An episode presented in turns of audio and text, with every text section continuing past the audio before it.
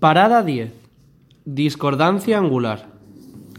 El principal objetivo geológico de esta parada es la espectacular discordancia angular situada al pie del faro del Cabo de la Huerta y los estratos que la conforman. Para llegar hasta aquí hemos cogido el autobús número 22 desde la parada anterior hasta la playa de San Juan y desde allí hemos andado por la playa en dirección sur hasta llegar al faro.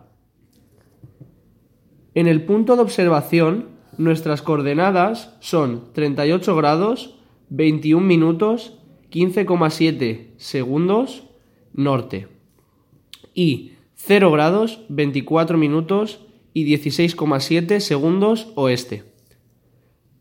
Nos situamos de espaldas al mar, dejando la playa de San Juan a la derecha y el Cabo de la Huerta a la izquierda de tal manera que vemos unas casitas blancas arriba, arriba a la derecha. Una vez aquí, podemos apreciar la discordancia angular. Una discordancia angular es una superficie de separación entre dos series estratigráficas, entre las cuales se ha desarrollado una fase de plegamiento. En nuestro caso, la discontinuidad separa una serie inclinada de estratos del Tortoniense superior, 8 millones de años, de una terraza marina horizontal, formada durante el Tirreniense, 0,1 millones de años, existiendo entre ambos conjuntos un vacío temporal de 7,9 millones de años. Los materiales plegados del Tortoniense superior son estratos de calcarenitas amarillas con fósiles marinos de briozoos ramosos, erizos irregulares completos, bivalvos fragmentados, etc. Lo que nos indica que estos materiales se depositaron en una plataforma marina somera, que fue haciéndose más profunda. Como consecuencia de los últimos episodios de aproximación de la placa africana, y la placa euroasiática, estos estratos del Tortoniense sufrieron una deformación dúctil, plegándose 30 grados hacia el norte y formando el flanco sur del sinclinal de San Juan. Desde entonces no hubo sedimentación debido a la elevación de los materiales al plegarse y sí una progresiva erosión.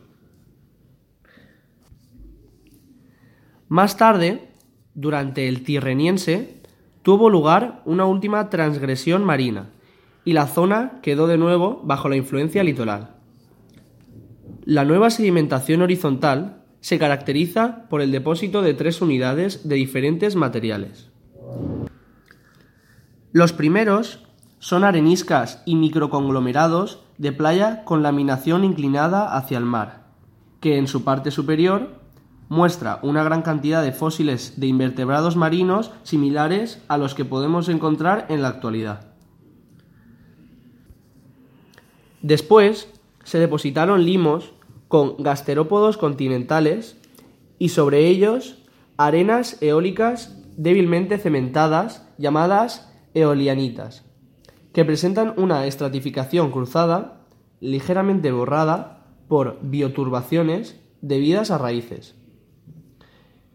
Estas dos últimas unidades son ya continentales, indicando que el nivel del mar comenzó a bajar, lo que puede relacionarse con el comienzo de la fase de glaciación que siguió al tirriniense.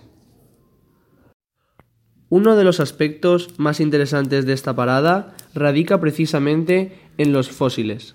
Son de fauna muy mezclada.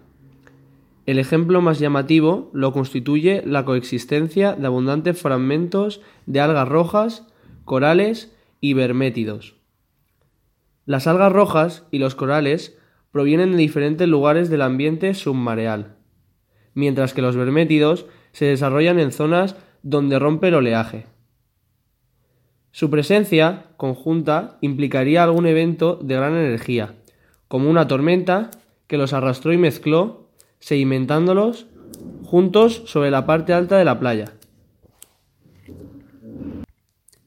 La discordancia sirve como punto para comparar dos paleoambientes litorales muy diferentes y para reflexionar sobre la escala de los procesos geológicos, por lo que se considera que este punto es de gran importancia educativa, científica y patrimonial.